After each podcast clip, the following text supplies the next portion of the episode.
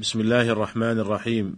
الحمد لله رب العالمين وصلى الله وسلم وبارك على عبده وخليله نبينا محمد وعلى آله وصحبه ومن اهتدى بهديه إلى يوم الدين.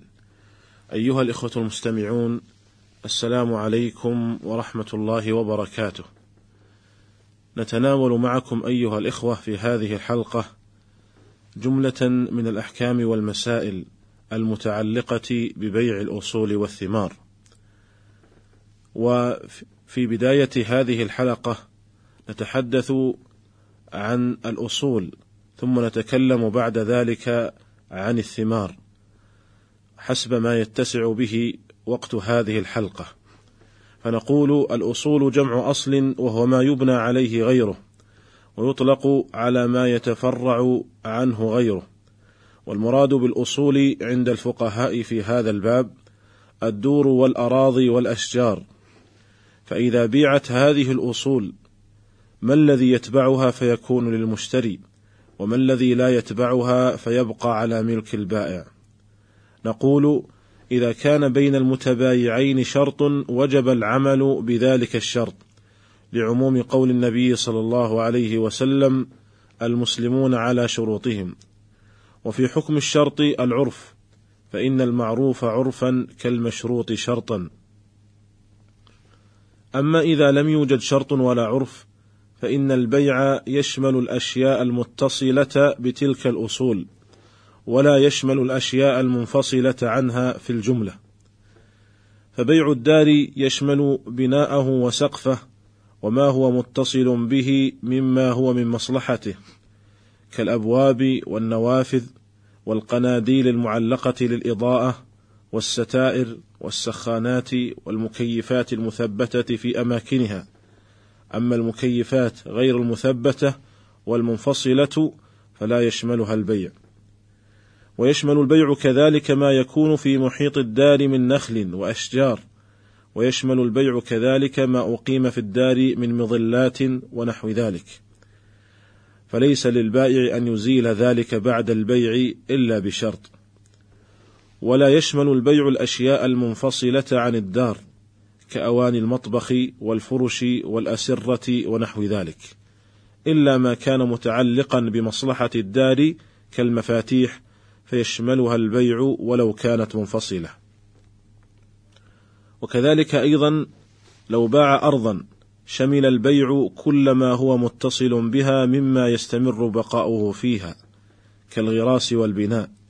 ولو كانت تلك الأرض ولو كانت تلك الأرض فيها زرع لا يحصد إلا مرة كالبر والشعير فهو للبائع ولا يشمله العقد. وإن كان فيها زرع يجز مرارا كالبرسيم أو يلقط مرارا كالباذنجان فإن الجزة واللقطة الظاهرتين عند البيع تكونان للبائع وأصوله تكون للمشتري. ومن باع نخلا وبه طلع فإن كان طلعه قد أبر أي قد لقح فثمره للبائع. وإن كان لم يلقح فهو للمشتري. يدل لذلك قول النبي صلى الله عليه وسلم من ابتاع نخلا بعد أن تؤبر فثمرتها للذي باعها إلا أن يشترطه المبتاع. متفق عليه. والحكم منوط بالتأبير وهو التلقيح لا بتشقق الطلع على الصحيح من قولي العلماء في هذه المسألة لأن النبي صلى الله عليه وسلم إنما علق الحكم بالتأبير ولم يعلقه بتشقق الطلع. وبناء على هذا القول لو تشقق الطلع ولم يؤبر فإنه لا يكون للبائع وإنما يكون للمشتري. وقد نصر هذا القول شيخ الإسلام ابن تيمية رحمة الله تعالى عليه. ومن هنا نفهم كمال وسمو هذه الشريعة حيث راعت نفسيات المتبايعين. فهذا البائع للنخل الذي قد أبره أي قد لقحه قد تعلقت نفسه بذلك الثمر. الذي قد تعب فيه وقام بتأبيره فكان من مقتضى الحكمة أن يجعل ذلك الثمر له إلا أن يشترطه المشتري. وأما قبل التأبير فإن نفس البائع لا تتعلق به غالبا. ومثل النخل في الحكم سائر الأشجار كالبرتقال والتفاح والرمان والعنب ونحو ذلك. فإذا بيعت بعد ظهور ثمرها فإن الثمر يكون للبائع إلا أن يشترطه المشتري قياسا على النخل في ذلك. وأما إذا بيعت الثمار دون أصولها فلا بد أن يكون ذلك بعد بدو صلاحها فلا يصح بيع الثمار قبل بدو صلاحها. ففي الصحيحين عن ابن عمر رضي الله عنهما قال نهى رسول الله صلى الله عليه وسلم عن بيع الثمار حتى يبدو صلاحها. نهى البائع والمبتاع. وفي الصحيحين أيضا عن أنس بن مالك رضي الله عنه أن النبي صلى الله عليه وسلم نهى عن بيع الثمرة حتى يبدو صلاحها وعن النخل حتى يزهو.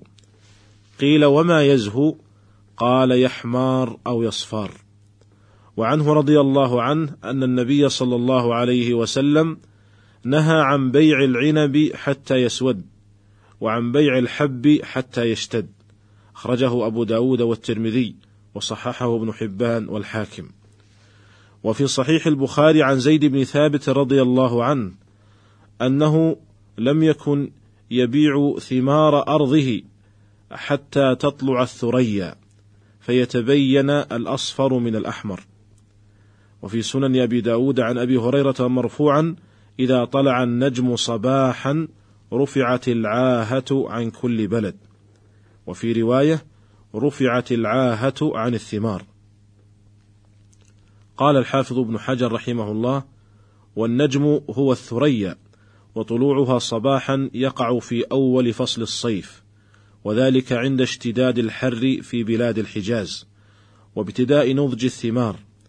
فالمعتبر في الحقيقة هو النضج وطلوع النجم علامة له. وقد بينه في الحديث بقوله ويتبين الأصفر من الأحمر وقد روى أحمد من طريق عثمان بن سراقة قال سألت ابن عمر عن بيع الثمار فقال نهى رسول الله صلى الله عليه وسلم عن بيع الثمار حتى تذهب العاهة. قلت ومتى ذلك؟ قال حتى تطلع الثريا انتهى كلامه رحمه الله. وفي الأحاديث السابقة النهي عن بيع الثمر قبل بدو صلاحه لكل من البائع والمشتري. أما البائع فلئلا يأكل مال أخيه بالباطل. وأما المشتري فلئلا يضيع ماله ولأنه يعين البائع على أكل المال بالباطل. أيها الإخوة المستمعون وعلامة بدو الصلاح في النخل هو أن يحمر أو يصفر. كما جاء ذلك في بعض الروايات. ويكفي ظهور أوائل الحمرة أو الصفرة. يدل لذلك ما جاء في صحيح البخاري عن جابر بن عبد الله رضي الله عنهما قال نهى النبي صلى الله عليه وسلم أن تباع الثمرة حتى تشقح. قيل وما تشقح؟ قال تحمار وتصفار ويؤكل منها. وقوله تشقح يقال أشقح ثمر النخل إشقاحا إذا احمر أو اصفر. قال الإمام الخطابي رحمه الله لم يرد بذلك اللون الخالص من الصفرة والحمرة وإنما أراد حمرة أو صفرة بكمودة فلذلك قال تحمار وتصفر. قال ولو أراد اللون الخالص لقال تحمر وتصفر. وقال ابن التين رحمه الله التشقيح تغير لونها إلى الصفرة والحمرة فأراد بقوله تحمار وتصفار ظهور أوائل الحمرة والصفرة قبل أن تشبع. وأما علامة بدو الصلاح في غير النخل فإنها تختلف باختلاف الشجر، فبدو الصلاح في العنب أن يتموه حلوا، لقول أنس رضي الله عنه: نهى النبي صلى الله عليه وسلم عن بيع العنب حتى يسود، أخرجه أحمد ورواته ثقات. وعلامة بدو الصلاح في بقية الثمار كالبرتقال والتفاح والبطيخ والرمان والخوخ والمشمش ونحو ذلك هي أن يبدو فيها النضج ويطيب أكلها. وعلامة بدو الصلاح في الحب هي أن يشتد ويبيض. أيها الإخوة المستمعون والحكمة من النهي عن بيع الثمر قبل بدو صلاحه وعن بيع الزرع قبل اشتداد حبه هي أنه في تلك الفترة معرض للآفات غالبا ومعرض للتلف كما يدل لذلك حديث ابن عمر رضي الله عنهما قال نهى النبي صلى الله عليه وسلم عن بيع النخل حتى يزهو وعن بيع السنبل حتى يبيض ويأمن العاهة والعاهة هي الآفة التي تصيبه فيفسد. فإن قال قائل إن العاهة كما أنه يحتمل أن تصيب أن تصيب الثمرة قبل بدو صلاحها فيحتمل كذلك أن تصيب الثمرة بعد بدو صلاحها. فما وجه تخصيص النهي عن بيع الثمار بما كان قبل بدو الصلاح؟ الجواب عن ذلك هو أن يقال إن إن الحكم معلق بالغالب فالغالب على الثمرة قبل بدو صلاحها التلف. الغالب على الثمرة قبل بدو صلاحها التلف وإن كان يحتمل أنها لو بيعت قبل بدو الصلاح أنها لا تتلف.